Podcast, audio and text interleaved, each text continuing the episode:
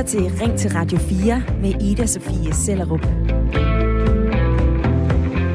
Det har været en travl sommer for klimaaktivisterne. For i årets Tour de France, så blev cykelrytterne stoppet flere gange, fordi der var demonstranter, der blokerede vejen.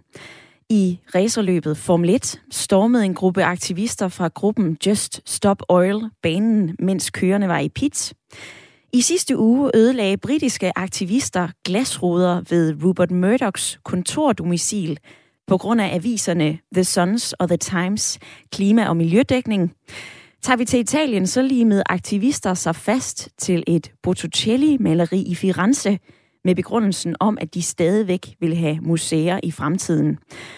Og tager vi til Canberra i Australien, så blev en flok unge klimaaktivister fjernet fra det australske parlament.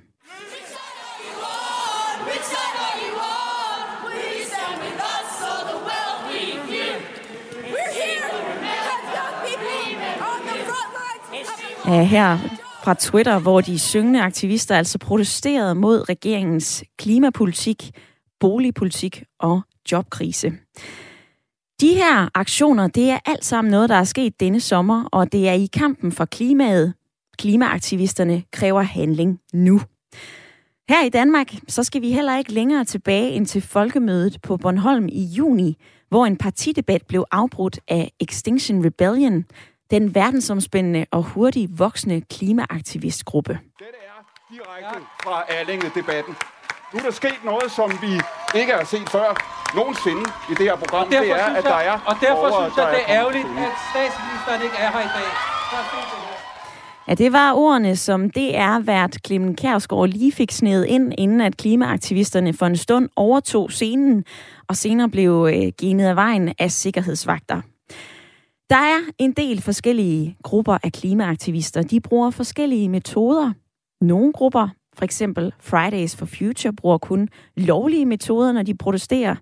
Andre, for eksempel Extinction Rebellion, bruger civil ulydighed. De har blandt andet limet håndfladerne fast til asfalten med superlim. De har lænket deres arme fast i jernrør, og så kravler de også op i flere meter høje hjemmelavede trækonstruktioner. Alt sammen med det formål at gøre det så svært som muligt for politiet at fjerne dem fra veje og broer, hvor de blokerer fra trafikken. Civil ulydighed, det er altså en bevidst overtrædelse af loven som protest, og det er en metode, som man vil ty til igen, fortæller Oscar Kluge, talsmand for Extinction Rebellion her i Danmark. Jeg synes stadig, at det er en fin ting at gøre, og det er helt sikkert det, som jeg sætter min lid til, fordi vi har også prøvet i 30 år at ligesom mobilisere øh, på, de, på de traditionelle måder. Vi har kendt til den her klimakrise i lang tid, så er det, så er det klart, at vi er nødt til ligesom at, at sætte det lidt mere på spidsen.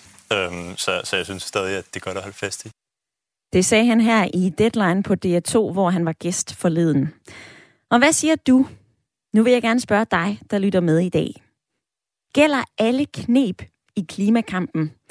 Synes du, at civil ulydighed er barnligt, eller er det nødvendigt? 72 30 44 44 er telefonnummeret herind. Du er også velkommen til at være med i debatten på en sms. Du skriver ind til 1424. Dagens spørgsmål skal først til Kalundborg, hvor øh, Dorte Fonnesbæk Wolf er med i lytterpanelet. Velkommen til, Dorte. Nå, nu skal vi lige se om forbindelsen til dig. Den er helt god. Du øh, er jo med fra Kalundborg, hvor du bor og arbejder som øh, landmand. Dorte, hvad mener du om øh, civil ulydighed som metode til at råbe op? Kan du høre mig nu? Det kan jeg. Godt. Jamen, øh, civil ulydighed synes jeg jo er en uorden, og fordi det angriber vores retssystem. Og det, som jeg synes, der er mest skræmmende i det, det er, at man kan få sådan nogle soloaktivister efterfølgende. Altså, at vi alle sammen ligesom på en eller anden måde får lov til at krænke vores øh, retssystem og gå ud over de love, der ligger. Og har jo set det førhen, hvor der er blevet helt maling på politikere, eller de er blevet jagtet, eller og det synes jeg, det ligger op til på en eller anden måde. Øh, og det tager jeg afstand fra. Jeg synes, man skal holde sig inden for loven, og det er også det, jeg prøver at give videre til mine børn. At selvfølgelig skal man være sikker i sin sag og vide, hvad man kæmper for, men man skal holde sig på måden. Og så øh, synes jeg jo, at øh, det, jeg bryder mig ikke om at blive taget som gissel i en sag, øh, når jeg er i gang med at gøre de ting, som jeg nu skal gøre i min hverdag. Mm-hmm. synes, det provokerer mig, og det irriterer mig, og jeg synes, øh, det giver deres sag et dårligt lys for mig. Altså, jeg bliver ikke... Øh, jeg får ikke lyst til at gå videre i en sag af den vej. Jeg vil meget gerne være med til at gøre verden grønnere. Jeg vil meget gerne kæmpe for en god klimadagsorden. Men jeg synes, man skal være lydhør, og kommunikation er for mig ikke øh, en passiv aggression, men øh, en dialog. Ordene her fra den ene del af lytterpanelet, og hvad med den anden del af panelet? Det er nemlig dig, Peter Bæren. Du er med fra øh, Vandløse, hvor du øh, blandt andet arbejder som øh, selvstændig. Dorte, hun siger, at det er en uorden, og at det er mega provokerende, når øh, klimaaktivister de bruger civil ulydighed. Er du enig i det? Jamen, jeg kunne ikke være mere enig. Altså, det er jo, civil ulydighed er jo et andet ord for kriminalitet.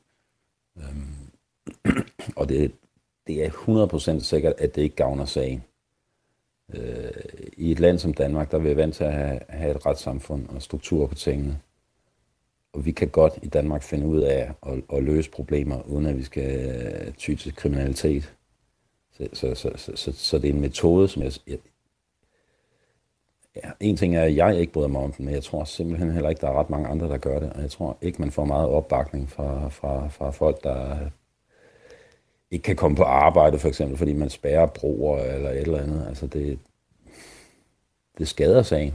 Det, det, det, det, det, der, det, det stopper kommunikationen om det problem, der virkelig er, og som vi burde fokusere på at løse. Det er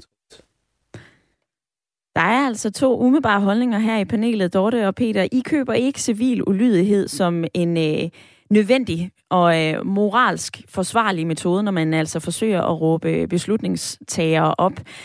Claus fra Rødovre har skrevet ind på en øh, uh, sms. Han er ikke enig med jer. Han skriver, at civil ulydighed er en nødvendighed, hvis der kommer noget igennem til politikerne.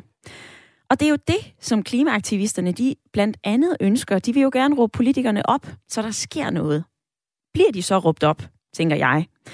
Well, Pia Kærsgaard fra Dansk Folkeparti, hun kom i hvert fald til tasterne efter episoden på Folkemødet. På Twitter så kaldte hun aktivisterne fra Extinction Rebellion for citat uopdragende møgunger. Lidt mere afdæmpet er vores klima-, miljø- og forsyningsminister Dan Jørgensen. Han har skrevet til øh, Berlingske, at han er enig i, at der skal handles for klimaet, men han er ikke sikker på, at metoder som civil ulydighed er vejen frem.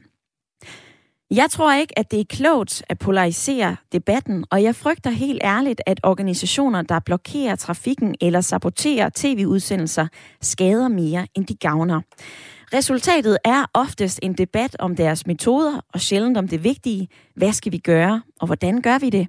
Og derudover så mener jeg helt generelt, at alle bør følge demokratiets grundregler, det er langt den bedste måde at skabe forandring på, skriver Dan Jørgensen altså til Berlingske. Jeg vil gerne høre din mening i dag.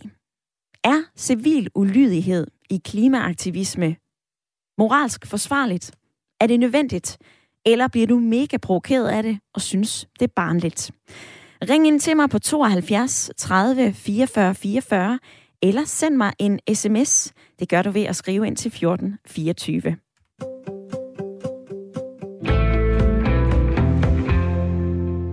Ja, både Dorte og øh, Peter i lytterpanelet, de er altså ikke fans af civil ulydighed som metode.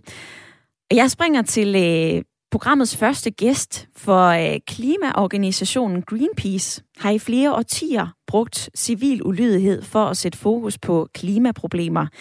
Flere vil måske kunne huske aktionen i Frederikshavn tidligere på året, hvor aktivister fra Greenpeace sejlede ud og for at blokere en omlastning af russisk olie med opråbet om, at vi altså skulle frigøre os fra fossile brændsler fra Rusland og i stedet omstille os til grønne energikilder. Mads Flaup Christensen, generalsekretær hos Greenpeace Norden. Velkommen til programmet. Tak skal du have. Godmorgen. Hvorfor holder I jer ikke til lovlige metoder? Jamen, det gør vi også i øh, langt øh, hovedparten af det arbejde, vi laver. Men, øh, men i Greenpeace har vi igennem 50 år nu brugt øh, civil ulydighed, øh, fordi at vi mener, at det er et vigtigt redskab i øh, demokratiet og i demokratiets historie og, og, og det har virket igennem historien. Øh, vi har set øh, uh, Gandhi bruge det, vi har set det øh, brugt i forbindelse med kvindernes valgbarhed i starten af det sidste århundrede, vi har set det i en lang række faglige kampe. Og det er typisk et redskab, der bliver brugt i, i situationer, hvor der er et meget stort øh, en meget stor forskel på, på dem, der, der har magt og de ressourcer, som de har, og så et øh, stort mindretal, som øh, vil noget andet og noget nyt. Og det har været med til at skabe nogle forandringer i samfundet gennem historien, og det øh, har de også gjort for, for øh, de sager, som, øh, som Greenpeace arbejder med. Helt konkret, hvad er det for nogle resultater, I har opnået ved at bruge civil ulydighed? Jamen, jeg tror, at det paradigmeskifte, vi har set på, hvordan vi bruger jordens ressourcer, hvordan vi ikke bruger havene som losseplads, øh, den måde miljøbevidsthed er, er blevet mere sådan i, i centret, er også en del af historien om, hvad civil ulydighed har bidraget med. Da vi i 80'erne øh, øh blokeret for dumpning af kemisk radioaktivt affald i havene ved at lægge gummibåde imellem de skibe, som dumpede tønder med affald og, og havet, så var det nogle billeder, der gik verden rundt, og noget, der var med til at, at skabe det politiske momentum, der skulle til for at få en politisk aftale, øh, som øh, forbød det.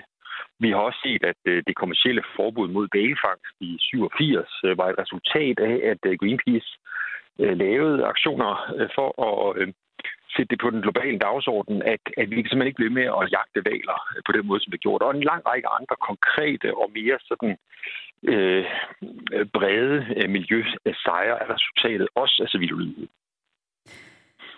I dag i øh, programmet, der har jeg et øh, veloplagt lytterpanel, Dorte og øh, Peter, som, øh, som er med i løbet af hele timen. Mads, øh, Mads Flaup Christensen.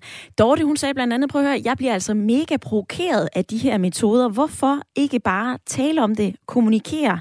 Hvorfor skal min øh, dag for eksempel øh, ødelægges ved, at der er nogen, der sætter sig på en motorvej eller blokerer et eller andet andet? Altså, risikerer I ikke, at folk tager afstand fra jer, når I bruger civil ulydighed? Jo, det gør vi, og nu uh, Greenpeace heller ikke, øh, laver vi heller ikke aktioner, som handler om at blokere veje som sådan. Altså, jeg tror, når vi laver aktioner, så prøver vi at være utrolig præcise med, hvad det er, vi forsøger at ramme, og hvad det er, vi forsøger at forstyrre og stoppe og, og ikke øh, ramme, hvad skal man sige, ting, som, som, som måske er, er, er mindre direkte i, i skudlinjen. Så, så det er utrolig vigtigt. Øh, men, men jeg tror, at, at den klimakrise for eksempel, og den biodiversitetskrise, vi står i i øjeblikket, den har vi jo talt og snakket om i, i, i 35-40 år nu. Og vi ved, at den er der, og videnskaben er, er krystalklar på det. Og alligevel så ser vi ikke politiske svar, vi ser ikke, hvad skal man sige, adfærdsmæssige forandringer, der i nogen øh, nærhed er, er tilstrækkelige til at håndtere den. Og det vi jo, øh, ser vi jo en, en, en stigende bevægelse og en stigende andel af befolkningen, som er super utilfredse med. Øh, vi har en, et flertal i befolkningen i øjeblikket, der ønsker at se radikal klimaforandring, og alligevel sker det ikke. Og det er jo fordi, der er nogle kræfter, der holder os tilbage. Der er nogle industriinteresser, der er nogle økonomiske interesser, der er en masse magtfulde øh, interesser i samfundet, som holder os tilbage. Og, og det er i den sammenhæng, jeg tror, at det er berettet at tale om, at os det at, at bruge civil ulydighed som et demokratisk værktøj til at skabe forandringer og til at skabe opmærksomhed er, er retfærdiggjort. I har jo opereret i øh, nogle årtier efterhånden. Greenpeace blev jo grundlagt tilbage i øh, 1971. Er I blevet mere ekstreme med tiden i takt med, at klimaforandringerne og udfordringerne bliver mere og mere presserende? Nej, det vil jeg ikke sige, vi er. Altså for os, der handler det at bruge civillydighed øh, om at jagtage nogle, øh, nogle meget strenge principper. Vi, vi opererer med, med tre principper for civillydighed, og dem øh, opererede vi med i 70'erne, og dem opererer vi stadigvæk med. Og det handler om på det første, at det ikke må være voldeligt, øh, og det må ikke ødelægge ting. Øh, og, og det er noget, som er ret vigtigt for os. Og det andet princip er, at øh, vi skal stå ved det, vi gør. Det vil sige, at dem, der udøver civil de øh, bærer ikke masker. De er klar til at tage den straf, som samfundet mener, at det skal taxeres med. Og det tredje princip, vi bruger, det er, at det skal være proportionalitet i det. Det vil sige, at de aktioner, vi laver, og den forbrydelse, vi eventuelt begår, og den lovovertrædelse, den skal være proportional med den forbrydelse, vi forsøger at forhindre. Øh, og det er jo også noget med at skabe hvad skal man sige, legitimitet og forståelse i befolkningen for, hvorfor det er, at, at civillydighed i den konkrete sag og et konkret eksempel er, er retfærdiggjort. Og de tre principper, de er stadigvæk øh, med os. Øh, men det er klart, at der er jo mange andre bevægelser også i samfundet, som bruger øh, civil lydighed. Og, og jeg tror desværre, at vi ser, at i kraft med, at afstanden mellem det, som videnskaben siger, vi skal gøre på klima- og biodiversitetskrisen, og det, der rent faktisk bliver gjort, i, i takt med, at den bliver større, så tror jeg også, at der vil være en større frustration og en større øh, øh, del af, af klimabevægelsen, som måske også er villig til at gå længere end det. Mm. Og det er jo blandt andet det, vi, vi ser i den debat, der er i øjeblikket omkring Extinction Rebellion. Netop. Det fører mig også til næste spørgsmål, for I er jo flere, der kæmper for samme, tag, øh, for samme sag. Der er bare forskellige metoder, altså Extinction Rebellion, som du nævner her. De har jo blandt andet jamen, øh, spændt sig fast til lastbiler, limet sig fast til uvurderlige malerier. Altså, der må være nogle taktiske uenigheder, om man vil. Risikerer I ikke at modarbejde hinanden? Nej, det tror jeg ikke. Jeg tror egentlig, det er øh, fuldt forståeligt og, og, og fuldt øh, fornuftigt, at, øh, at der er forskellige steder, som, som folk, som virkelig er bekymrede for klimasagen, at de kan gå hen og ved, at der er nogle små nuanceforskelle med den måde, vi, vi bruger taktikkerne på, men ordnet set, det vil vi det samme vi vil have forandring af vores samfund i en grad, som, øh, som står mål med det, som, øh, som videnskaben fortæller os, der, der skal ske på, på klima- og biodiversitetskrisen. Og, og der tror jeg ikke, at det er, er problematisk, at, øh, at der er lidt for nuanceforskel mellem de forskellige bevægelser. Mm-hmm. Ser vi så, hvad politikerne har gjort, så har vi jo fået en klimalov, i 2020, der har pålagt os en CO2-reduktion på 70 procent inden 2050. Vi har fået en grøn skattereform, hvor virksomheder er blevet pålagt CO2-udgifter eller afgifter. Det er bare nogle af de her centrale klimainitiativer, der allerede bliver taget. Hvad skal der mere til, før at I ikke længere finder det nødvendigt med civil ulydighed i Greenpeace? Ja, altså de skridt, der er taget i Danmark, dem skal vi glæde os over, dem der går i den rigtige retning, og, og huske på, at de ikke mindst er sket i kraft af den folkelige øh, opbakning, der var til de krav i 2019, særligt øh, da, da vi havde folketingsvalget, og, og den mobilisering, der foregik op til, øh, til den. Og det er et resultat af det. Men som en del af klimaloven, der blev vedtaget, der nedsatte man jo også øh, Klimarådet, eller man styrkede Klimarådet, det vil sige regeringens egne eksperter, der rådgiver på dem. Og, og de kommer jo år efter år ud med nøjagtigt den samme kritik af regeringen desværre, der siger, at, at det, det, vi gør i Danmark, er ikke tilstrækkeligt. Vi har ikke gjort vejen til, til 70 reduktion i 2030. Vi øh, har stadigvæk en overoptimisme omkring nogle teknologiske fix, der skal gøre det her for os, øh, og er ikke villige til at tage de skridt, som rent faktisk er nødvendige. Og det er klart, at så længe, at, at vi ikke, hvad skal man sige, så længe det her det kun er ord og målsætninger, og, og at de skridt, der bliver taget, ikke er tilstrækkelige, jamen, så tror jeg, at man vil finde øh, aktioner, civil lydighed og, og kampagner fra klimabevægelser og fra Greenpeace side, der, der forsøger at, øh, at få os på ret kurs, så vi kan overholde de internationale aftaler, vi har indgået omkring øh, reduktion af, af vores CO2-udslip. Mm-hmm. Mads Flaup Christensen, generalsekretær hos Greenpeace i Norden. Tak fordi du var med i debatten i dag. Ja, det var så lidt. Tak. Hej. Er du enig i det, du lige har hørt, eller er du uenig? Det her det er dit debat- og lytterprogram, så vær lige med i det, vi taler om i dag, når jeg spørger dig, om civil ulydighed i klimaaktivismen er barnligt eller nødvendigt. Du har lige hørt fra Greenpeace. Hvad tænker du om det? Send en sms til 1424, eller ring ind på 72 30 44 44. Dorte, jeg brugte jo dig som øh, eksempel i øh, interviewet. Altså, hvorfor kan øh, man ikke bare kommunikere? Hvorfor er det civil ulydighed, der skal gøres brug af? Mads Flaup Christensen, han svarede på dit spørgsmål. Er du blevet klogere? Mm, nej, jeg, nej, ja, altså hvis du spørger til, om jeg er blevet klogere, altså det med, om jeg er blevet omvendt, så nej, jeg har stadigvæk en, øh, et aftryk af en provokation, der efterlader mig øh, passiv i, i at, at gå den vej i kampen. Og så ved jeg jo godt, altså det er passionerede mennesker, og passion, passion er jo smukt, og det at være en ildsjæl, det er en meget smuk energi også og det er i mange sammenhænge med til at gøre vores verden smukkere. Men altså, når man bliver ældre, og så er man knap så utålmodig mere, så vi bliver også, altså, vi er også nødt til at handle på en måde, så alle kan være med. Og det kan jo ikke nytte noget, at vi tager en befolkning til fange øh, på, på den ene eller på den anden måde. Øhm, og jeg, det, som jeg også forstår ud af det her, det er, at vores ungdom, de er super bange. Altså, der er en eller anden øh, ængstelighed i den ungdom, vi har lige nu, og det synes jeg er virkelig, virkelig trist. Øh, og det kan godt være, at de føler, at de bliver nødt til at gå den vej for at få noget opmærksomhed. Og fra da jeg var ung, så er der jo så også nye redskaber nu, hvor man kan få de der 10 minutter på fjernsyn, hvor man kan se, at politiet slipper en væk, og dermed kan man få lidt opmærksomhed omkring sin sag. Og den er jeg bare ikke med på. Altså, det synes jeg ikke er en god metode. Jeg synes ikke, det er en god måde at kommunikere på. Og så Dorte? synes jeg også, øh, nu nævnte du Kluge fra uh, Extinction Rebellions. Uh, jeg kan ikke huske, hvad han til fornavn. Men uh, han er jo så holdt op med at studere for at hellige sig den her sag, og måske så får han sig en straffet eller en plettet straffeartist. Det synes jeg også er et problem, at man vil gå så langt med sig selv og sit eget liv, Øh... Men hvis man netop synes, det her, der bliver simpelthen ikke gjort nok. Du nævner selv frustrerede unge mennesker. Der er en international undersøgelse, der viser, at, at øh, 10.000 unge fra 10 forskellige lande svarer. Der svarer næsten 60 procent, de er meget bekymrede eller ekstremt bekymrede over klimaforandringerne. Der er frustration, der er afmagt, der er angst for det her. Kan du ikke forstå, at der er nogen, der helliger sig og siger, jeg skal simpelthen kæmpe for det her med alt, hvad jeg har? Jo, det kan jeg godt forstå, og, men hvis du ligesom ser tilbage i, i historien, så har der altid været nogle nedslag i vores hverdag, om det så var på et personligt plan, på et politisk plan, på et globalt plan eller whatever. Der har været finanskriser, der har været øh, A-kraftdiskussioner, der har været HIV. Der har været rigtig mange ting, der har skræmt os og gjort os bange.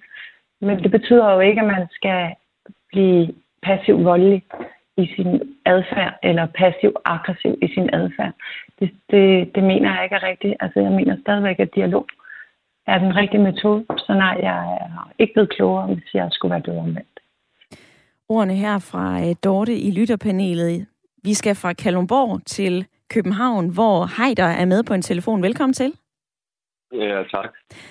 Du har et øh, taxaselskab, som øh, blandt andet kører på brint, og du mm, siger også, at man skal helst operere inden for lovens rammer, men nogle gange så kan det altså give mening med civil ulydighed.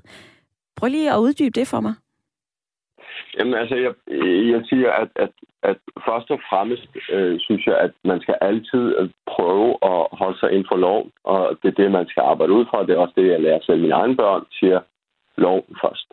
Men det, det, jeg prøver at, ligesom at sætte mig ind i, det er, at, at hvis man har forsøgt tilstrækkeligt længe øh, at komme, op, komme ud med et budskab til politikerne, så, så, så det er ikke det samme at sige, at det er okay, det de har gjort, altså det der civile lydhør, men, men, men det jeg mener, det er, at jeg kan godt forstå, at man, man bliver frustreret, og man, man vil bare gerne komme frem med sin budskab, fordi jeg kan godt som almindelig borger sidde med en fornemmelse af, at det kan være klima, det kan være andre ting, hvor det kan godt føles som om, at der er en slags, hvad skal vi sige, øh, ny, eller sådan øh, lydmur ind til de forskellige øh, politiske øh, beslutningstager, øh, kanaler. Det ja. kan være Folketinget, det kan være ministeriet, det kan være whatever you name it.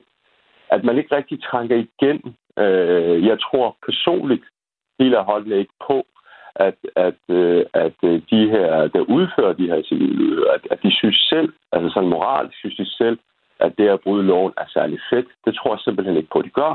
Men jeg tror, at de gør det i sådan en slags desperation, hvor at de vil fremme et budskab, som, som ikke rigtig trænger igennem via de, lad os, lad os kalde dem de legale kanaler. Det er den måde, man har gjort det på. Mm-hmm. Og, og på den måde forstår jeg jo et eller andet sted godt, det er ikke noget, jeg opfordrer til overhovedet tværtimod, men jeg forstår det et eller andet sted godt, at der er nogen, der tænker, åh, hvorfor hører de ikke på det her budskab, fordi det her det er rigtig, rigtig vigtigt. Nu kommer du selv med nogle statistik, som, som et eller andet sted også, også, også, også, også skræmmende, at, at der er 60 procent, der synes ikke, at de rigtig bliver hørt. Og det er altså fremtidens generationer, vi taler om. Så, så, så ja, det var ligesom at sige, at, at, at et eller andet sted kan jeg jo godt sætte mig ind i, at, at de... Hej der, hvad så med din sympati? Altså, øh, din sympati for det her budskab, kan den risikere at vinde? Altså, eller kan man altid retfærdiggøre og bryde loven for klimaet? Vinde, når, når, når jeg selv opretter en virksomhed, som, som, som er en del af, af, af transportsektoren, som, som, som kører på så vidt muligt på, på det, man kalder for en nul-emission forretning. Ikke? Øh, så, så jeg har masser af sympati til alt, hvad der hedder miljøvenlig og, og klima, og vi skal gøre meget. Jeg synes, det er også vigtigt, at, at, øh, at vi, både i Danmark og Europa øh, generelt, vi skal faktisk tage en meget større ansvar, øh, og også kunne få, for at kunne få det tredje verden med. Fordi den ene er, at, at vi, vi skaber de bedste klimarammer for os selv, men det er jo så heldigt, at vi kan jo ikke at være med det klimaet med den resten af verden. Så, så jeg, jeg, jeg synes, jeg har, jeg har sympati for dem, forstået på den måde, at jeg synes, de kæmper for en sag. Øh, jeg bliver lidt øv, at, at de skal gøre sådan nogle, øh, jeg skal den. Og Heider, jeg bliver desværre nødt til at øh, afbryde interviewet med dig, for vi skal til at gøre plads til et nyhedsoverblik. Men øh, tak fordi du ringede ind. Husk, du kan også være med i den her klimaaktivisme-debat. Du lytter til Ring til Radio 4 med Ida Sofie Sellerup. Hvor jeg i dag spørger dig, om det er nødvendigt og moralsk forsvarligt, eller mega provokerende og barnligt, når klimaaktivister bruger civil ulydighed. Det kan være, at de blokerer en bro, en motorvej, lufthavne, afbryder tv-udsendelser eller besætter olieselskaber. Det er nogle af de metoder, som vi har set i bevægelsen Extinction Rebellion, hvor man bevidst bruger civil ulydighed, altså bevidst overtræder loven, enten ved at spænde sig fast til en lastbil eller lime sig fast til dyre malerier.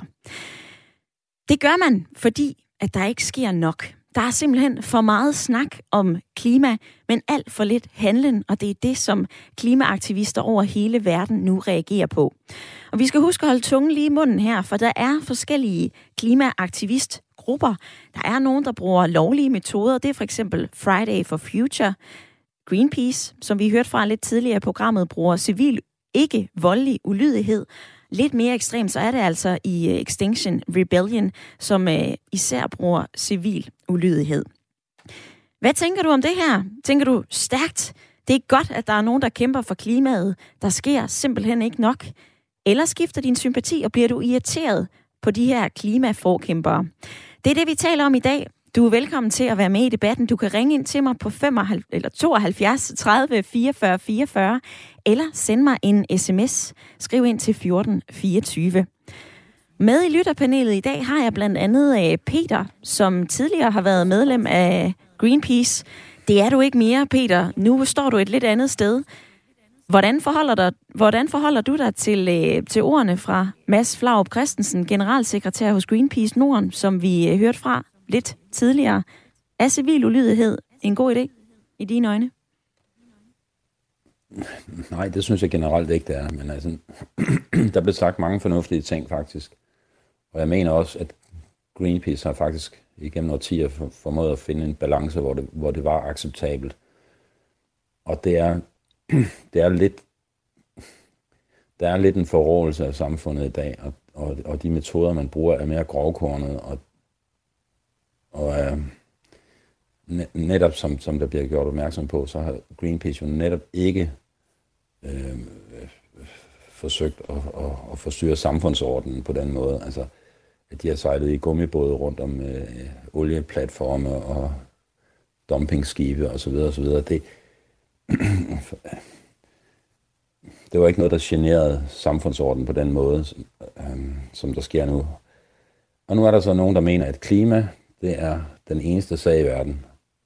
Og det mener jeg simpelthen bare ikke. Jeg mener, der er mange andre samfundsspørgsmål, som skal håndteres. Der har vi kæmpet med corona, det er vi slet ikke færdige med. Øhm, øh, og, og, og det kunne man også gå ud og gøre en hel masse aktioner.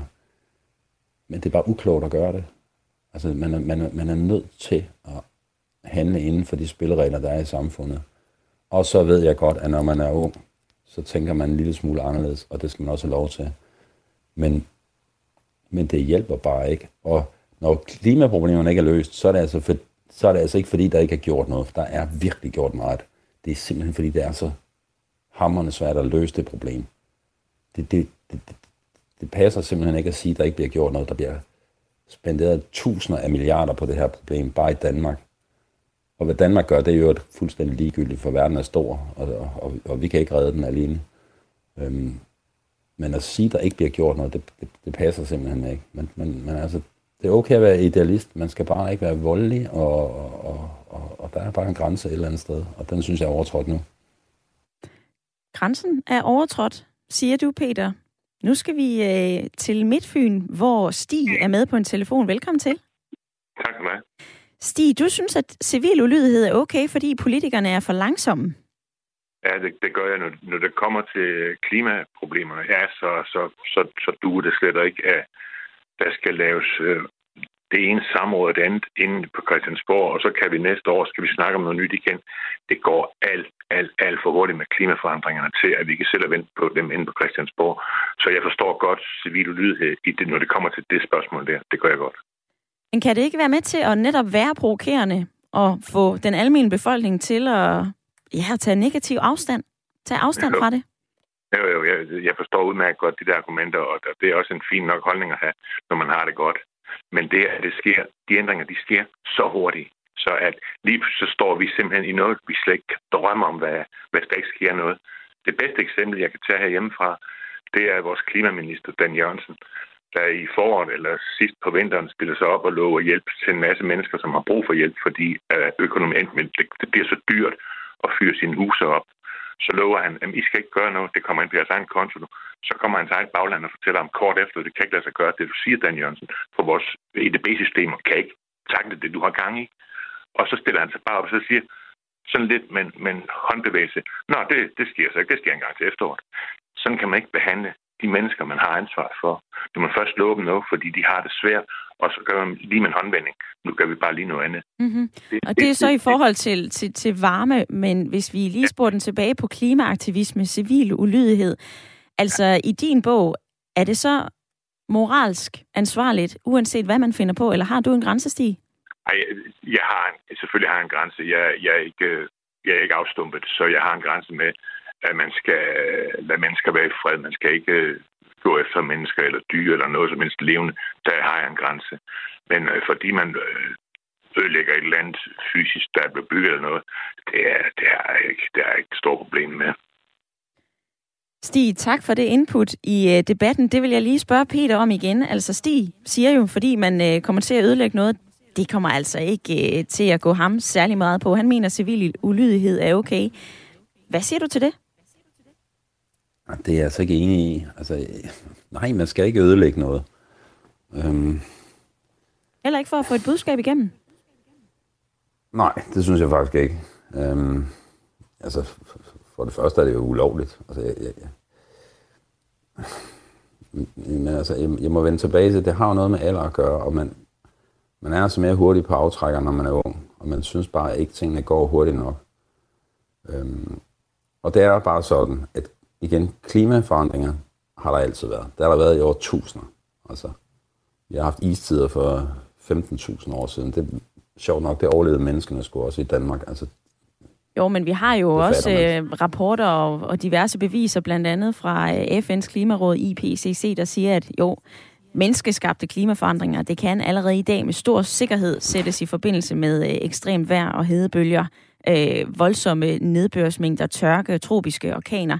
Så vi ser jo netop nogle klimaforandringer, og jeg tror ikke, vi har tid til at gå ind i en større diskussion om, hvorvidt, hvor meget menneskeskabt eller ej. Men Peter, kan du ikke forstå, at der netop er nogen, som er så frustrerede, som mener, at politikerne er så langsomme, at de vælger at ty til drastiske metoder? Mm, jeg kan jo se, at det er sådan. Men altså, jeg mener faktisk, at politikerne gør ret meget. Altså, det, jeg synes, jeg synes altså, som, altså, med de afgifter, vi bliver pålagt og så videre, så man kan jo ikke sige, at der ikke sker noget. Der sker en hel masse ting.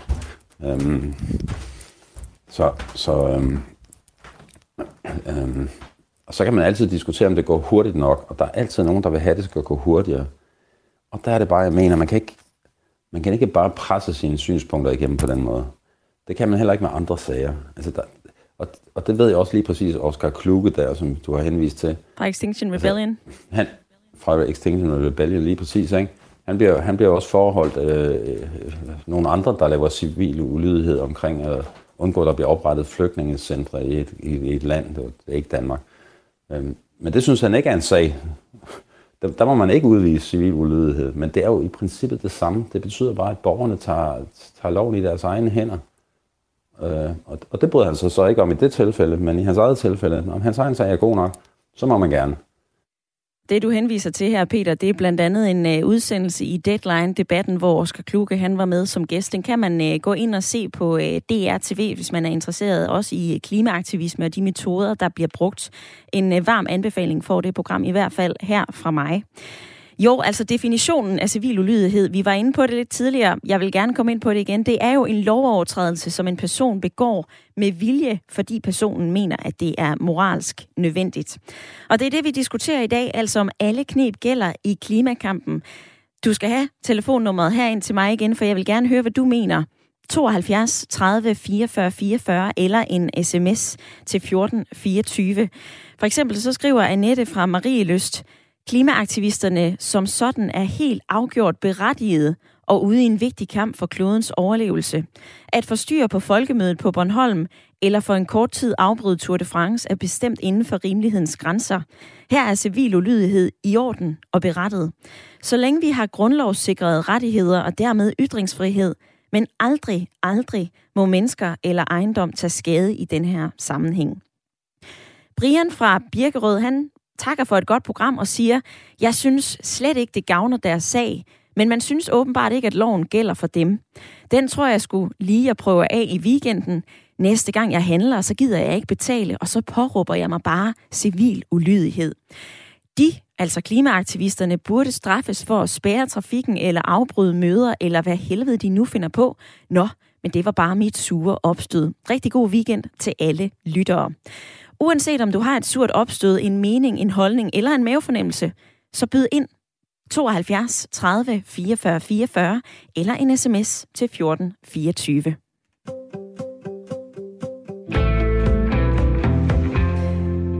Bevægelser som Extinction Rebellion og Greenpeace, de mener altså ikke, at demonstrationer, underskriftindsamlinger og kampagner altid virker godt nok i, klam, i kampen for klimaet.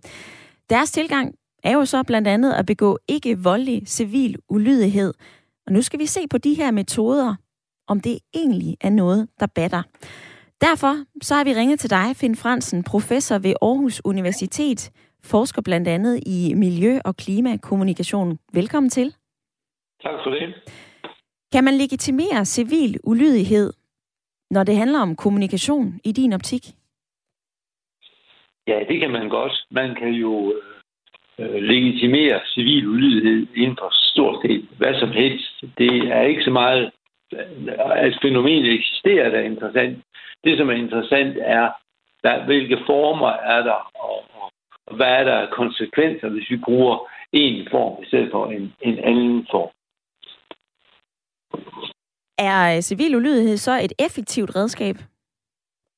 Øh, det er det i, i, i mange tilfælde, øh, hvis man med effektivitet mener, at det er noget, som øh, sætter sindene i kog. Så har vi masser af eksempler på, at øh, civil ulydighed har øh, øh, skabt øh, røre, øh, ekstra diskussion øh, osv. Øh, det man skal huske er jo, at øh, civil ulydighed er et øh, interaktivt øh, fænomen. Altså det, det er sjældent, at øh, det eksisterer for sig selv, i sig selv, øh, hos, en enkelt, hos en enkelt gruppe af personer, en enkelt menneske. Det indgår ofte i en, en konstellation af folk, som øh, er enige eller, eller uenige. Som for eksempel det her øh, radioprogram mm-hmm. på P4. Hvad så, når vi taler om miljø- og klimakommunikation her på, øh, på Radio 4, altså øh, lytter- og debatprogrammet, vi har gang i lige nu? Har klimaaktivisterne så ret i, at jamen, altså, når vi demonstrerer, når vi skriver underskrifter, når vi laver kampagner, så virker det ikke. Så bliver vi simpelthen nødt til at lave noget mere end det. Har de ret? Ja, ja og nej. Fordi igen, øh, det skal ses øh, noget mere komplekst, end, end det vi lige siger. Øh, end, end det vi lige tror, det er. Øhm, fordi øh, der, der er jo nogle mennesker, som mener, at noget går for langsomt. Og der er nogle mennesker, der mener, at noget går for hurtigt. De kan bare tage en situation, hvor familien skal på tur, øh, men man kan ikke finde ud af, hvor man skal hen, og sønnen siger en ting, datteren siger en anden, og forældreparet siger noget tredje. Og så får vi en diskussion, der minder en del om øh, civil ulydighed, dog i en mere hyggelig, en hyggelig kontekst. Så, så, så det, det, der er mange måder at, at gøre det på. Øhm, men det, det, det, som er rigtig spændende, det er, hvad er det for nogle strategier, man bruger? Øhm, for eksempel er der, er der noget, der er tydeligt, det er, at civil ulydighed er sjældent noget, man begynder med. Øh, hvis nu vi siger, at det er en politisk sag, vi har med at gøre, så, så, så begynder man sjældent med politisk ulydighed, altså civil ulydighed. Øh, og øh, det, det, det, det foregår snarere sådan, at der går noget tid. Øh, det kan faktisk være rigtig lang tid. Øh, der, der er jo lovforslag og politiske øh, temaer, som ligger og, og, og, og gemmer sig i meget lang tid. Øh, og så øh, på et tidspunkt, så er der en gruppe mennesker, som siger, ej, nu er det her altså for meget. Og så slutter sådan et forløb i nogle tilfælde med et, øh, med, med et, øh, med, med, med, med et civil ulydighed. Ja. Det, det er selv noget, der, der, der, der man begynder med. Men hvis vi ser på de her kommunikationsstrategier, som du nævner her, ja. Øh, Finn Fransen, professor i øh, blandt andet miljø- og klimakommunikation, hvad er så i dine øjne den bedst mulige måde at kommunikere på, hvis man kan sige det på den måde? Det, det, det, det, det, det kan man simpelthen ikke sige, efter min mening. Øhm, øh, inden for, for, for meget forskning, i det her tilfælde inden for kommunikationsforskning, der skældner man mellem forskellige tilgange. Der er en tilgang, der siger, at vi kan altid finde det, der hedder den bedste måde at gøre det på inden for et område. Best practice, plejer vi at sige på engelsk. Det er noget skam. Øhm, men øh, hvad hedder det? Øh, øh der, der er også en anden måde, som, som jeg selv er tilhænger af, som siger, at øh, den svaret på spørgsmålet, hvad er den bedste måde, ja. det er øh, it depends. Det afhænger af øh, situationen, konteksten, emnet, tiden, som vi så før. Øh, der er mange faktorer, som spiller ind. Og øh, ret beset ved vi egentlig ikke særlig meget, men det vil være rart at vide noget mere, hvis øhm, øh, at lave noget mere forskning, som kunne øh, belyse, hvordan vi for eksempel opfatter konsekvenser. Hvordan opfatter borgeren konsekvenser af lovforslag, øh, øh, høringer og alle de der ting, som øh, åbner op for, at vi, vi, kan, vi kan udvise civil ulydighed. Øhm, ja, jeg sad i går og tænkte lidt på, om en test af samfundets øh, evne til at håndtere kommunikation med borgere ikke snarere er, hvad hedder det, ikke er en form for test, der, der, der, der lige tjekker, hvor, hvor, hvor sundt er vores samfund kommunikativt. Det lyder som en lidt større undersøgelse, men det er en god idé at, at, at gøre sig tanker om at lave sådan en øh, undersøgelse, Finn Fransen. Jeg bliver nødt til at, øh, og, og, øh, og spole lidt eller speede lidt op, fordi vi har også nogle lyttere, som meget gerne vil være med i debatten i dag. Men, men jeg vil bare lige høre dig her til sidst. Vi har jo talt om de her metoder, vi kan se inden for klimaaktivisme. Der er noget øh, ekstremt, altså der er nogle øh, ekstreme eksempler. Man limer sig fast til malerier, man spænder sig fast på bunden af lastbiler i flere døgn for at protestere. Tror du, at metoderne inden for klimaaktivisme bliver mere og ekstreme, hvis vi ser i krystalkuglen? de bliver i hvert fald øh, mere, de bliver mere interessante, mere kulørte. Øh, måske bliver de også mere ekstreme. Et godt eksempel, som er hurtigt, det er en gruppe på, var det syv mennesker, som lavede en protestaktion på landevejen øh, i forbindelse med det, det afholdte Tour de France. Ja. Øh, og øh, der, der, jeg tror ikke, der var nogen som helst, der, for, for hvem det gik op, og hvad det egentlig drejede sig om. Øh, måske kan han også dem selv, øh, men, men, men, men det var stor opmærksomhed. Det, det gav stor opmærksomhedsværdi. Men hvem skulle man bare sende det til? Det var det, der var problemet. Ej, der var flere episoder fra øh, Tour de France. Der var øh, både i selve Frankrig, hvor at uh, rytterne de blev afbrudt af flere omgange. Der var altså også en øh, episode på tredje etape her i Danmark, hvor der var okay. nogen, der forsøgte ja. at demonstrere, og så øh, stod der i Jyske Vestkysten, at så kom der nogle store gutter og smed dem væk. Så øh, lad os se på, hvordan metoderne inden for klimaaktivisme kommer til at se ud i øh, fremtiden. Nu fik vi i hvert fald et indblik i miljø- og klimakommunikation med din hjælp, Finn Fransen. Tak for din tid i dag. Ja, velbekomme.